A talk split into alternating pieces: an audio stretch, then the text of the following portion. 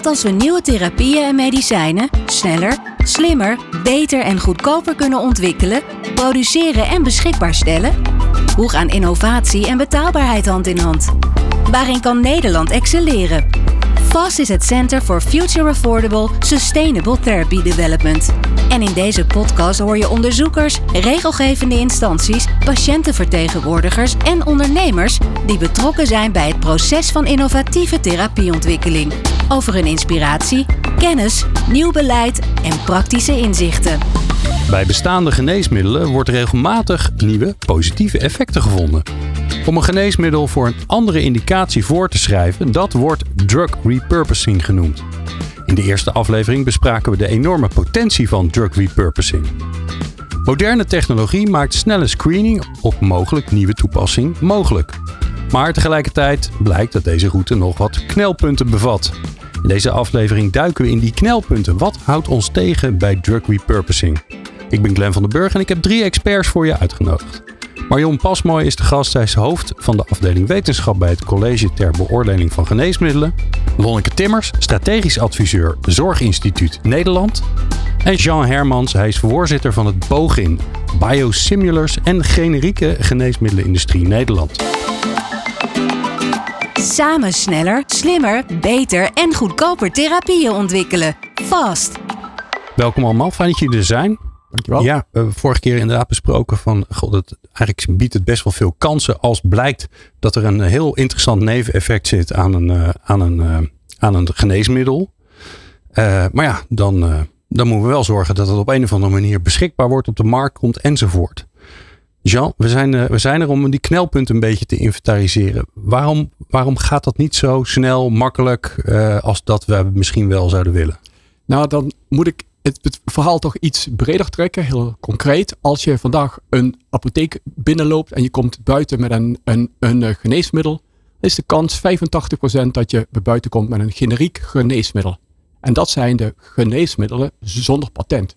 En zo'n generiek geneesmiddel, dat kost in Nederland op dit ogenblik ongeveer 1,25 euro per maand. Dus we hebben het hier over oudere geneesmiddelen die van patent zijn en die eigenlijk gerepurposed worden voor een ander doel. Ja. En als je dan zo'n geneesmiddel naar de patiënt wil brengen, dan moet je eigenlijk een aantal stappen doorlopen. Je begint eigenlijk met de registratiefase. Je gaat naar het CBG, daar komen we dadelijk op toe. En dan Ja. moet het worden geregistreerd in, in eh, Nederland en dan mag de dokter het voorschrijven. En na de registratie. Oké, maar dit is interessant. Voordat dat gebeurd is, mag de arts het niet voorschrijven. Nee, tenzij hij per uitzondering iets doet dat heet off-label use. Maar dan, is het, dan gaat hij het eigenlijk een geneesmiddel wat voor deze ziekte bedoeld is, gaat hij eigenlijk gebruiken omdat het ook werkt misschien bij een andere ziekte. Ja, ik zie Ja, al iemand kijken van ja, nou. Het Ja, zit, ik ben het daar. Ik denk dat dat niet helemaal zo is, inderdaad. Omdat eh, eh, off-label use eigenlijk, dus het gebruik buiten de geregistreerde indicatie, eigenlijk wel kan, denk ik. Eh, mits daar wetenschappelijk bewijs voor is. Dus eigenlijk voor de verzekerde zorg is de registratie van de indicatie niet wat het alles bepalend is, maar wel dat er voldoende onderbouwing is van de effectiviteit. Dat is Oké. voorwaarde. Ja, Ja. en dat moet de arts dan wel toevallig weten. Kan ik me voorstellen.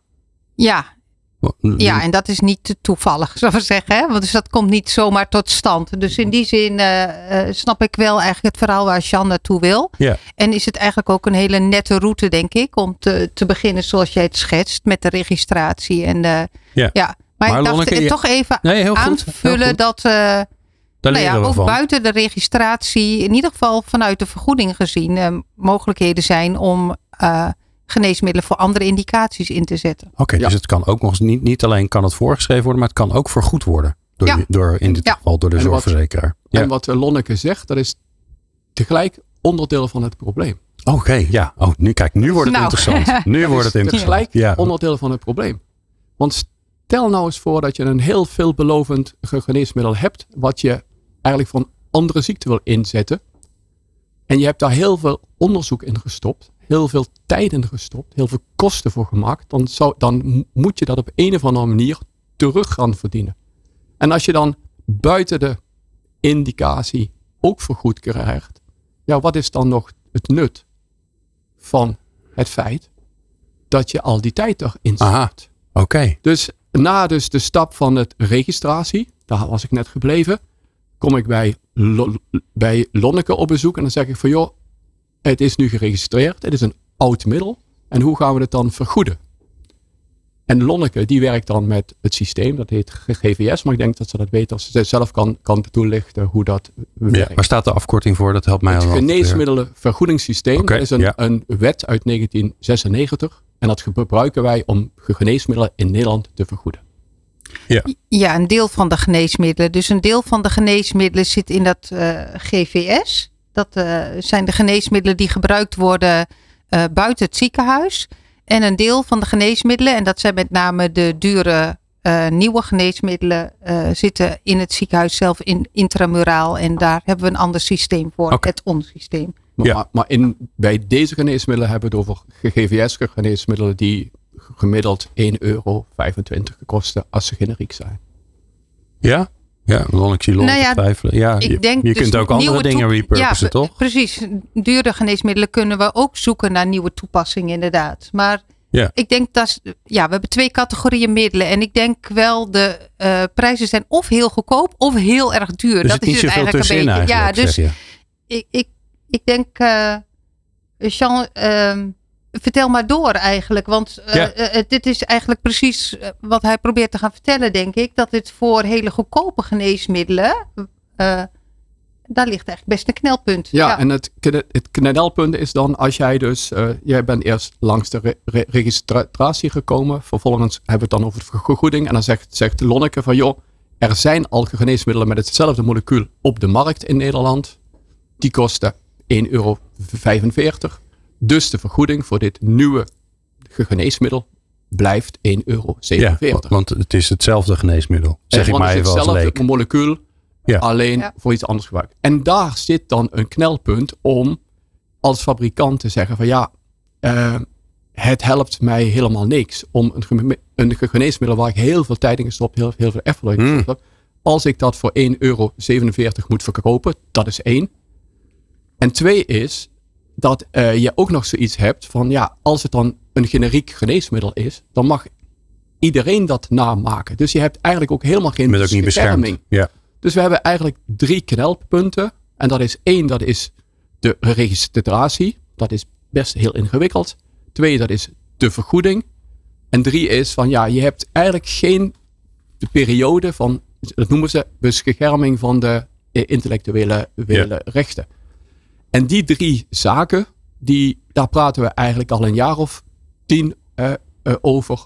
En het lukt eigenlijk maar niet om Hmm. dat op te lossen. ja, want ik hoor je zeggen, eigenlijk is er geen prikkel of geen business case, om het maar even plat te zeggen, om eh, dat onderzoek uit te voeren. Om te kijken van, hé, hey, als, als er dan een, of voor het ontdekken van de neveneffecten, of als er een neveneffect ontdekt is, om het onderzoek te doen, zodat je ook daadwerkelijk al eh, eh, de registratie enzovoort voor elkaar te krijgen. Ja, dat is eigenlijk, dat zijn eigenlijk de, Nou, de- de- de- Ehm, ik zit even te kijken, want eh, dat zijn drie knelpunten. Hebben we daar nog knelpunten aan toe te voegen? Want dan hebben we, inventariseren we ze eerst even. En dan gaan we daarna kijken hoe ze in elkaar zitten. Marion? Ja, en eh, om op eh, Jean aan te sluiten, dan is het met name dan waar Jean over praat, over middelen die uit patent zijn. Want er zijn natuurlijk ook best wel middelen die nog op patent zijn en waar dan eh, gekeken kan worden, bijvoorbeeld voor een zeldzame ziekte, of het daarin ook werkt. En dan kan er soms nog wel verlenging komen van de marktbescherming. Dus dat, Ja. dat, dat, is, dat is denk ik wel goed om, afhankelijk van de casus die je hebt, welke knelpunten belangrijker zijn. Ja. Eh, maar- eh, kan die andersom ook, Jean, zit ik me te bedenken. Ik weet, eh, gisteren was ik toevallig met een goede vriend van mij op pad die huisarts is. En toen hadden we het over het diabetesmiddel wat nu door heel Hollywood gebruikt om, wordt om af te vallen.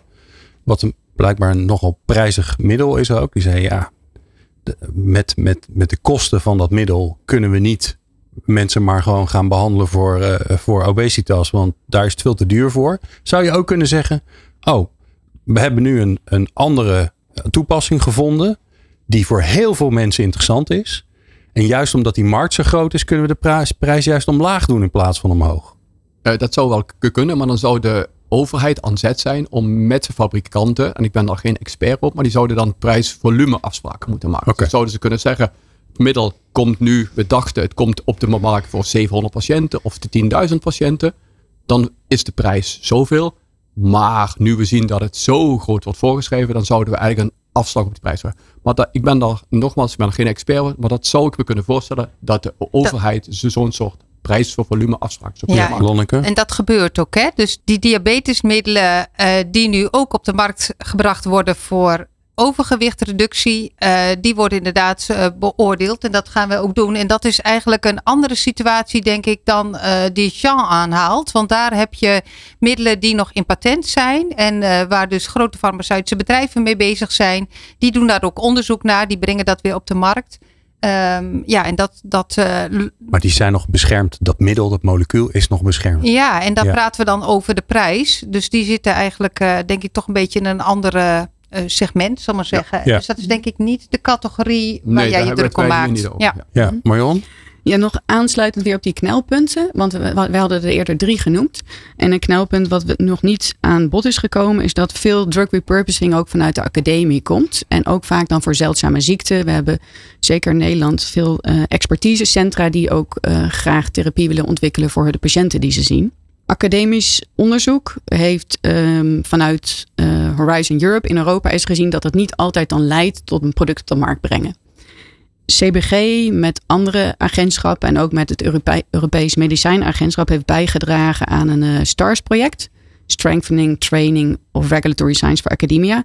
En daar hebben we surveys gedaan in Europa, academische onderzoekers en klinische onderzoekers gevraagd van wat is nou de, meest, de grootste bottleneck voor het naar de markt brengen van een geneesmiddel.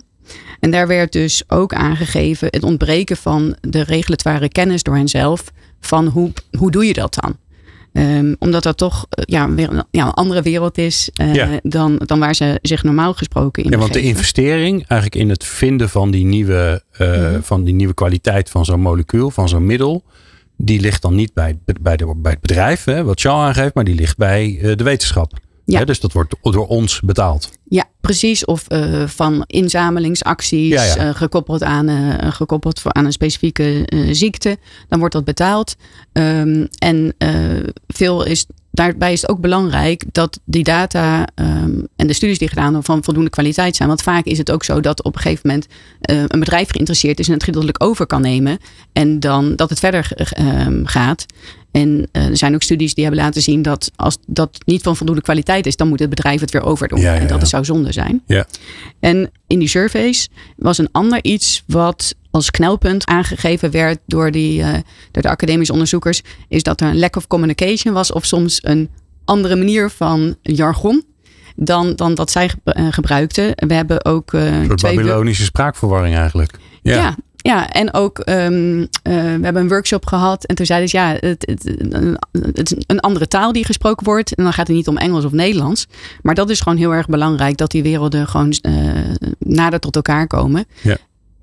En een mogelijkheid, maar daar kan ik later wat over vertellen, is dat we ook advies geven en dat je ook echt in een vraaggesprek uh, kan uh, vertellen van en adviseren van wat is nou nodig om verder te gaan. Ja. Maar dat, dat klopt helemaal. En in, in alle voorbeelden waar ik bij, bij, bij betrokken ben geraakt de afgelopen vijf jaar, uh, het zij via de GGG-raad, de goed gebruik uh, ge, ge, geneesmiddelenraad, uh, is er altijd een samenwerking geweest van bedrijven uh, en, en, en academie en vaak een pu publieke investering. En dan, dat maakt ook dat bedrijven die dan zo'n repurposing doen, dat die er niet van uitgaan dat zo'n middel wat nu 1,25 euro, dat dat opeens 1000 euro kost. Nee, nee. die gaan ervan uit dat zo'n middel wat nu 1 euro of 2 euro kost, dat het als het gerepurposed is, misschien 8 euro kost. Dus we hebben het hier ook niet over hele grote bedragen. We hebben het hier ja. over. Het blijft zes keer zoveel. Een, een, bijna een public-private partnership, wat gestimuleerd wordt door Zon en Wij en CPG en anderen. Dus het, ja. het is altijd een samenwerking. Dat is ja. heel goed dat je dat nog erbij bij vertelt. Ja. Lonneke, heb jij nog knelpunten toe te voegen dat je zegt, nou, dit zit ons een beetje in de weg. Dat zou fijn zijn als, dat, uh, als we dat oplossen.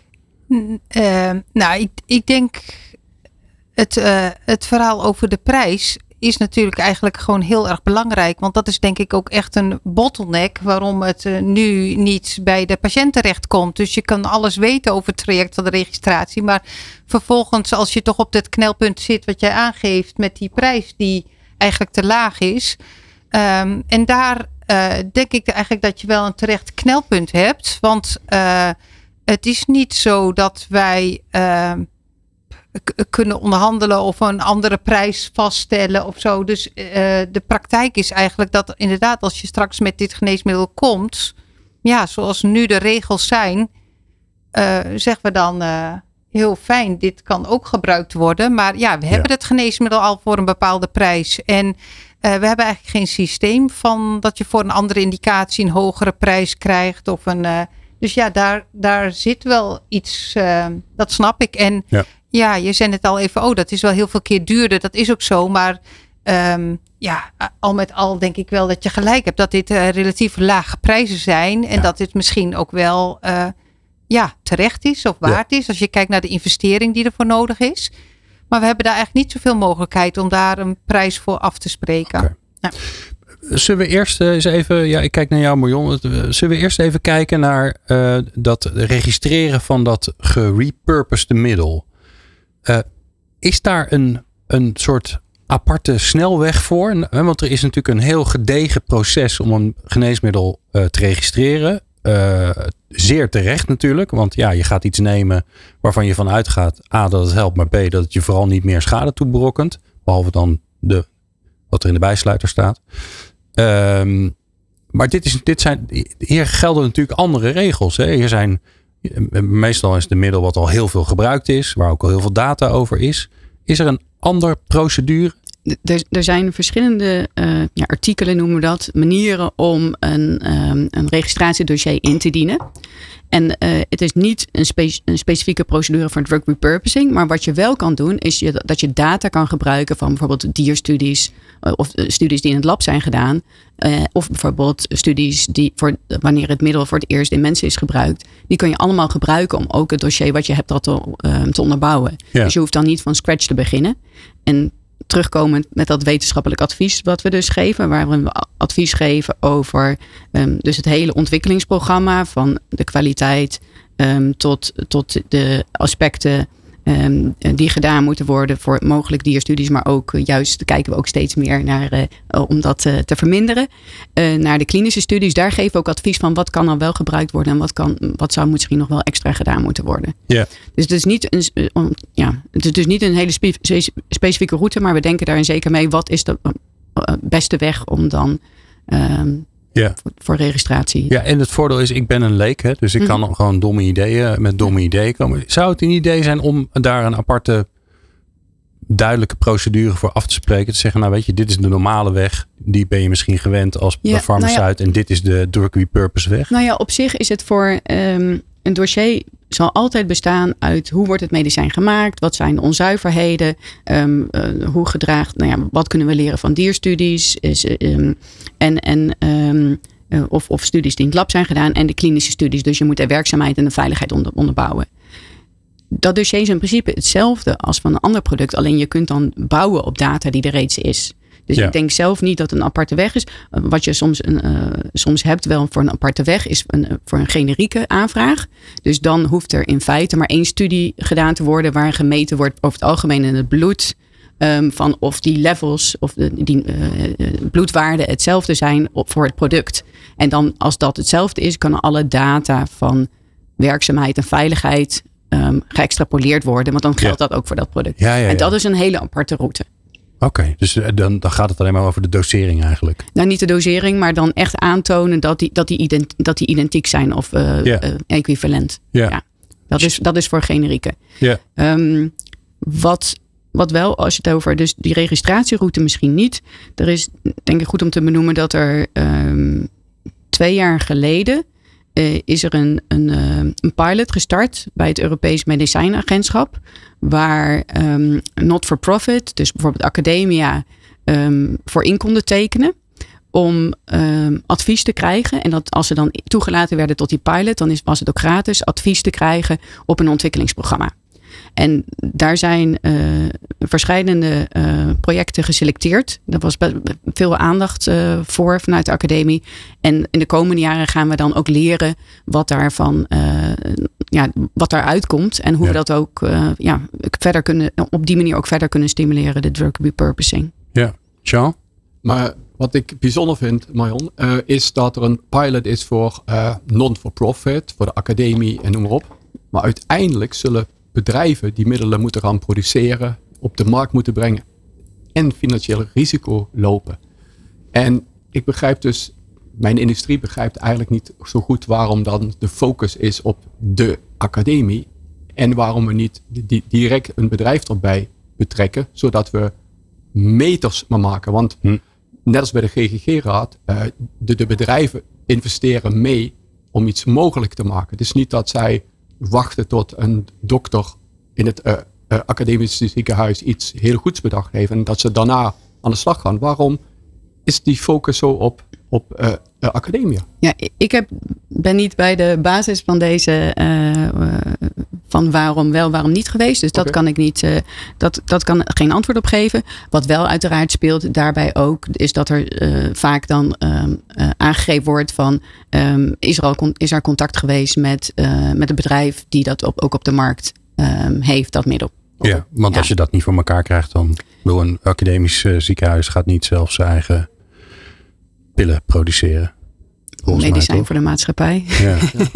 ja. ja, het is misschien ook afhankelijk van wat er nodig is aan, nieuwe, uh, aan een nieuwe dosering of aan een nieuwe toedieningsvorm. Dus soms heb je ook echt een nieuw product nodig. Hmm. En soms kan het eigenlijk natuurlijk ook gewoon met iets wat we al hebben. Hè? Dus uh, met de bestaande dosering of het bestaande product. Ja. ja. ja.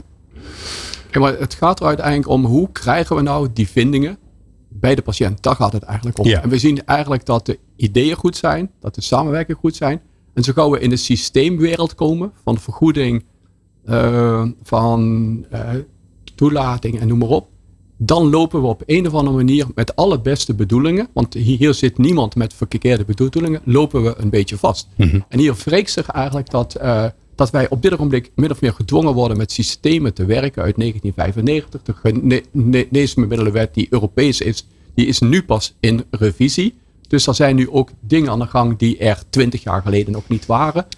En wat Marion eigenlijk zegt, is dat zij zegt van joh, binnen wat ik kan doen, mijn wettelijk kader, en dat is Europees vastgelegd, doe ik zo goed mogelijk en, en, en probeer ik het te passen en te, te meten. En dat lukt heel soms, maar meestal niet, zeg maar. En, en dat is eigenlijk ook een beetje de, het, het, het gevoel wat ik dan iedere keer heb, is van ja, uh, hoe nu verder? Want uh, wat zou er nou moeten veranderen aan de Europese wetgeving? Om over vijf jaar niet nog steeds deze discussie te hebben. Ja, Lonneke die zit op, de, zit op het vinkentouw. Die is dat al. Uh... Ja, nou ja, omdat ik vind het heel interessant dat jullie het inderdaad zo naar het Europese trekken. Want dit is natuurlijk ook nog een van de knelpunten, denk ik, die we bloot kunnen leggen. Namelijk dat de ontwikkeling van geneesmiddelen internationaal is, de registratie van geneesmiddelen, maar de vergoeding van geneesmiddelen is een nationale aangelegenheid. Dus elk land heeft zijn eigen systeem, zijn eigen regels, zijn eigen prijs.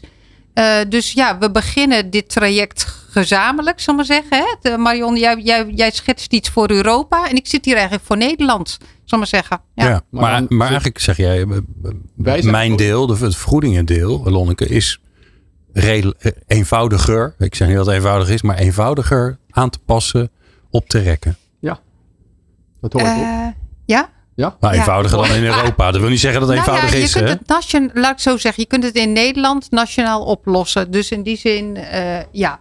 Ja. Marion? Een vraag aan Onneke, want met de nieuwe HTA-wetgeving, daar gaat het er ook steeds meer Europees worden. Dus hoe, hoe gaat dat uh, inspelen op de vergoedingen dan? Ja, we gaan... gaat, dat, gaat dat dan ook toch niet meer Europees worden? Ja, ik verwacht eigenlijk niet dat dat snel dit probleem gaat oplossen, zal maar zeggen. Want wat we gaan doen is met alle Europese landen samen een eerste stap zetten in gezamenlijk beoordelen voor vergoeding. Uh, maar dat betreft eigenlijk het eerste deel van de beoordeling, dus het wetenschappelijk gedeelte. Um, en juist het financiële deel van wat mag het dan kosten. En dat is eigenlijk wat hier de bottleneck is. Dat is het gedeelte wat we niet gezamenlijk gaan doen in Europa, maar wat nationaal blijft. Ja, maar dan, als dat zo is, wat jij vertelt, en ik neem dat aan, ik ben geen expert, maar als we het in Nederland kunnen oplossen, waarom hebben we het dan na vijf jaar of tien jaar nog niet opgelost? Wat, waar gaat het dan fout bij de beleidsmaker? En dan neem ik de beleidsmaker in de ruime zin van het woord, de minister, maar ook het Zorginstituut. waar gaat het dan? Ontbreekt de wil of ontbreekt de kennis? Of wat, wat kunnen wij nu bij, bij, bij helpen om jullie dit probleem voor ons te laten oplossen? Ik denk omdat ook in Nederland hebben we een uitgebreid systeem. Hè? je, je zei het zelf al, dat geneesmiddelenvergoedingssysteem, dat uh, allerlei uitgangspunten heeft en voorwaarden en, en een juridisch kader. En daar past dit eigenlijk niet in. Maar wat zou de beleidsmaker dan volgens jou moeten doen om dat uh, op te lossen als het een nationaal probleem is? Ik zeg, het is geen nationaal probleem volgens mij. Want ik denk dat je eigenlijk in, in alle Europese landen zit met dit probleem. Uh, maar dus de oplossing verschilt per land. Hè, dat zeg ik eigenlijk. Um, ja, ik denk dat er iets veranderd zal moeten in de manier waarop we nu beoordelen en iets in het GVS plaatsen. En ik kan me ook voorstellen vanuit het perspectief van ontwikkelaars dat die eigenlijk ook zelfs al heel erg behoefte aan hebben om in een vroegtijdig stadium hierover te praten. Hè? Want nu zitten wij met de beoordeling voor de vergoeding helemaal achteraan. En um, ja, ik kan me voorstellen bij investeringsbeslissingen vooraf dat je eigenlijk al eerder naar een soort van uh, ja, ja plan of afspraak of uh, pad wil, zal maar zeggen. Maar ja, we hebben het nu niet. Dus, uh, maar maar dan toch nog een keer de vraag aan jou. we hebben een vergoedingssysteem. Daar delen we goedkope generieke middelen in samen met andere geneesmiddelen. Bij dure middelen zetten we ze op een uitzondering, een, aparte lijst onder voorwaarden. Zou dat nou niet geen idee zijn voor drug repurposing? Dat we zeggen, joh, dit is een heel nieuwe toepassing en we vergoeden een hogere prijs en dat doen we als voldaan is aan die voorwaarden. Dat is dan toch heel simpel op te lossen. Ja, ik denk dat ik zie het zelf wel uh, als een interessante oplossingsrichting. Maar ik, ik weet niet of we nu kunnen zeggen dat het een simpele oplossing is. Omdat, zoals ik al zei, we eigenlijk ook niet. Uh, we hebben eigenlijk één prijs voor een geneesmiddel in Nederland waar het ook voor gebruikt wordt. En het wordt bijvoorbeeld ook niet goed vastgelegd waar dingen voor gebruikt worden. Maar iets, iets moet er wel veranderen, daar heb je wel gelijk in. Maar, ja. maar we hebben een richting, hè? dat is al heel mooi. Ja, maar ja, toch nog, nog één vraagje extra. Bij het vergoeden onder voorwaarden, daar worden twee zaken vastgesteld. Dat is de prijs en de voorwaarden. En als we nou bijvoorbeeld een middel als colchicine gebruiken voor hartfalen, dan zou het toch best in plaats van 6 euro, 10 euro mogen kosten, omdat iemand heel veel tijd heeft gestopt, 5000 patiënten heeft onderzocht, het proef gedaan, om het dan voor een hogere prijs onder voorwaarden te vergoeden. Maar Jean, volgens mij zijn we het daar allemaal over eens. Dus deze, deze loop zijn we doorgegaan. Oké. Het, eh, mijn conclusie is, het, het zit ingewikkeld in elkaar. Het, het past nu niet in het systeem. Het systeem zegt nu, hey, hier hebben we eigenlijk geen plek voor. Um, en de grote vraag is dan, wie moet, er, wie moet er in beweging gaan komen? Ja, er moet wel iets veranderen in het systeem. Want ik, ik eh, ben wel met jou eens dat het, dat het oprecht een knelpunt is. En ik denk ook uh, wij vanuit vergoeding of vanuit uh, vind het eigenlijk belangrijk dat er nieuwe toepassingen gevonden worden voor geneesmiddelen. En dat er goed uh, wetenschappelijk onderzoek gedaan wordt. En dat er mogelijkheden voor zijn. Dus ik deel wel heel erg. En ik denk zeker daar waar hè, een met niet is. Of waar, waar we echt noodzaak hebben voor patiënten. Ja. Dat het heel belangrijk is. En dat het nu stokt is ook iets denk ik wat... Uh, Nee, want we, hebben natuurlijk, we hebben natuurlijk liever een bestaand middel wat je, wat je, waarvan je achterkomt dat het voor een bepaald ziektebeeld werkt, dan dat er een heel nieuw middel bedacht wordt, eh, wat waarschijnlijk dan ook nog eens een keer veel nou duurder ja, ik denk, als we het dan toch over die prijs hebben, daar zie ik wel een soort belang vanuit ons, maar zeggen, dat we eigenlijk heel graag redelijke prijzen willen. En uh, jij kaart gewoon heel erg aan dat op sommige momenten de prijzen eigenlijk te laag zijn om daar een goede innovatie in te krijgen. En ik, ik zie daar, ja, ik denk dat je er wel gelijk in hebt. Tegelijkertijd zijn wij natuurlijk ook vooral heel erg bezig met daar waar de prijzen heel erg hoog en, uh, zijn. En daar gaat veel energie in zitten. En we hebben ook wel uh, een aantal casussen gezien onlangs waar middelen, nou ja, laat ik zeggen, gekaapt worden. Hè? En, en terugkomen voor extreem te hoge prijzen. Ja, dus daar, eh, daar zullen we een goed evenwicht in moeten zoeken. En ons systeem moet daar geschikt voor zijn of worden om, om daar een redelijkheid in te vinden. Ja, maar, maar nog één bottleneck benoemen. En die is mij eigenlijk pas afgelopen half jaar geworden. Ja. Dat is namelijk dat als ik naar het generieke geneesmiddelenpakket kijk. Dan heeft 50% een omzet, omzet, dus niet winst, maar omzet in Nederland van minder dan 50.000 uh, euro. Dus als je daar wil innoveren en je wil proeven doen en je wilt testen doen, of nog, dan is dat bijna vanuit die, van die omvang bijna niet te doen. Dus dat is echt een bottleneck. En daar is het ook heel belangrijk dat we samen onderzoek doen met de academie, met de overheid, noem op. Want dit is gewoon, de omzetten zijn zo klein, omdat je ook specifieke patiëntengroepen bedient. En daar zit, dat zijn heel veel moleculen. Bijna ja. 50% Ja. ja. Marion, jij hebt natuurlijk uh, het voorbeeld genoemd hè, dat er ook in de wetenschap veel gebeurt. Uh, ja, daar waar de markt faalt, uh, moet de overheid het, het overnemen. ja, dit zijn natuurlijk prachtige voorbeelden waarbij je eigenlijk zou zeggen, ja, daar moeten, daar moeten gewoon wetenschappelijke projecten opgezet worden om dat uit te vogelen. Maar dat, dat, dat gebeurt ook, hè? Want ZonMW heeft de Drug Rediscovery ronde. En uh, dus die geeft ook uh, funding aan dit soort projecten vanuit de wetenschap. Dus dat, dus dat gebeurt absoluut. En CBG is daarbij ook aangehaakt. En uh, geven ook advies over het ontwikkelprogramma. Ook met als doel dus om grotere kans te hebben dat het verder gebracht wordt aanhakend. Ja, het CBG gaat niet over de vergoeding. Dus de, nee, nee, dus dat, dat, dat, is fijn. Daar kun je gewoon, kun je gewoon naar, ehm, naar, luisteren en naar kijken. Ja, um, maar wat er op dit moment uh, daarnaast speelt, want we hadden het over de wetgeving. Um, er is april uh, van dit jaar de, de, een draft van een nieuwe farmaceutische wetgeving gepubliceerd. Een heel groot document met allemaal verschillende onderwerpen met het idee om innovatie te stimuleren en ook beschikbaarheid.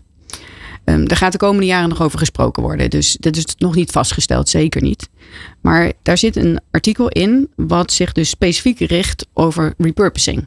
Aha. En uh, daar gaat het, maar dan, uh, dat haakt misschien een beetje aan waar Jan over eerder over had. Daar gaat het dan over um, uh, bijvoorbeeld not-for-profit stakeholders, bijvoorbeeld academie, die data kunnen inleveren bij het Europees Medicijnagentschap of getriggerd door een CBG, dat het CBG een de EMA vraagt om die data te gaan beoordelen voor, voor nieuwe indicatie voor ziekte waar een unmet medical need voor is. En de EMA kan vervolgens die beoordeling doen. En het wordt ook gepubliceerd, die beoordeling. En dan worden de firma's worden gevraagd om de, de producttekst te wijzigen. Daar, kun je, daar, daar zijn heel veel hm. um, uh, van. Maar het doel is wel echt om te kijken vanuit Europa ook van hoe kun je dit zo goed mogelijk ook uh, stimuleren. Omdat, en daar iets, omdat er verschillende bottlenecks zijn. En soms als dus firma's ook niet geïnteresseerd zijn, omdat het systeem gedreven is, de productinformatie, dat de firma een wijziging indient. Tenzij er een groot veiligheidsprobleem is, dan kan het opgelegd worden. Maar anders is het eigenlijk dat de firma uh, uh, verantwoordelijkheid draagt voor wat erin staat. Als firma's niet geïnteresseerd zijn, Um, dan, um, um, of die niet bij, betrokken bij zijn met de studies, dan worden die wijzigingen niet, uh, niet okay. uh, toegevoegd. Ja, dus dat is eigenlijk weer een, een, nieuwe, een nieuwe drive achter de repurposing, die er ook voor zorgt dat er, nou ja, naast. De, dat ja. voor de wetenschap ja. ook wat makkelijker wordt allemaal. Ja, het is, natuurlijk wel de vraag hoe dat, hoe dat gaat uh, verlopen. Ik denk wel echt interessant. tijdens COVID is er met uitzondering uh, een procedure geweest bij het Europees Medicijnenagentschap. En we werken samen met, uh, altijd met, in Europa um, voor dexamethason. En daar is een, een artikel 5.3 procedure toen gestart om al die data van dexamethason uh, te beoordelen. En daar was een positieve beoordeling uit. En toen zijn de firma's ook gevraagd om die, om die toe te voegen. Dus in, die zin is het soms, want nu is het systeem heel firma gedreven. Maar nu is het ook dat daar een belangrijkere rol van de agentschappen okay. um, mogelijk wordt gemaakt. En um, misschien nog uh, goed om te zeggen, um, eerder dit jaar zijn we met verschillende agentschappen wereldwijd bij elkaar gekomen. Uh, met de FDA en, en, en uh, nou, EMA, maar ook uh, Zweden is ook met een pilot bezig. Om al die informatie te delen met elkaar en te zien wat kunnen we daarvan leren.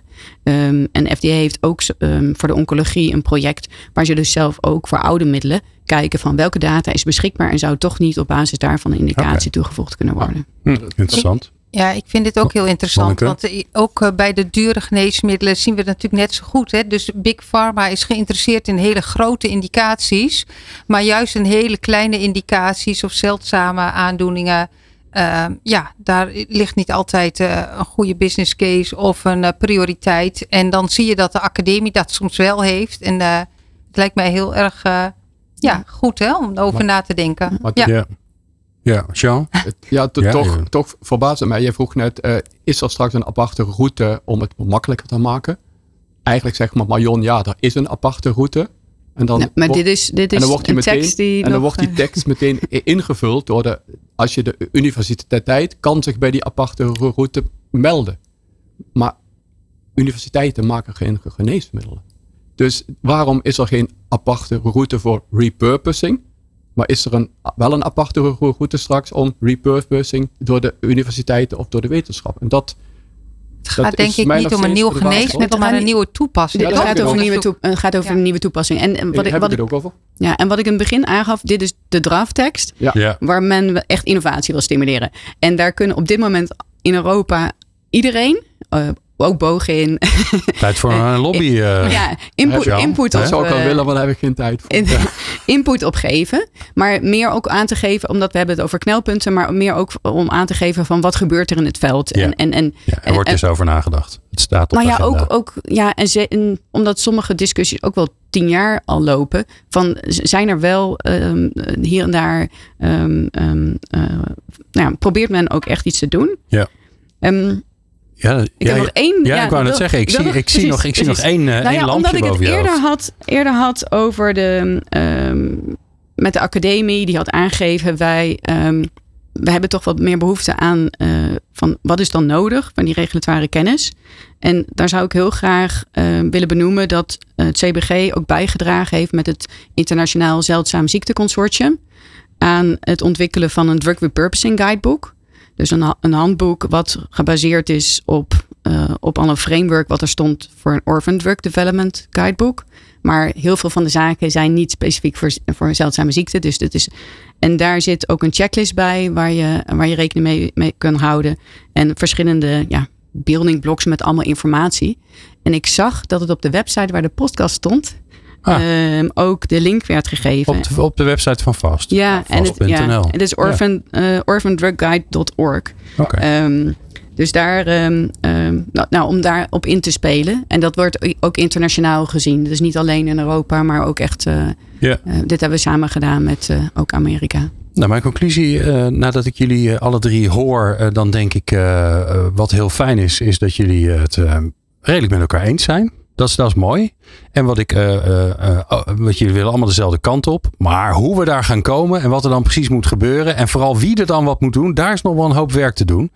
Maar daar komen we ook wel weer uit. Wat wel interessant is, Jean, want ik heb goed naar je geluisterd. Is dat in de volgende aflevering van deze podcast van Fast. Gaan we het juist hebben over die business case. Want ja, zonder gezonde business case hebben natuurlijk, komen die, al die ondernemers en ondernemingen niet in beweging. En die hebben we wel heel hard nodig.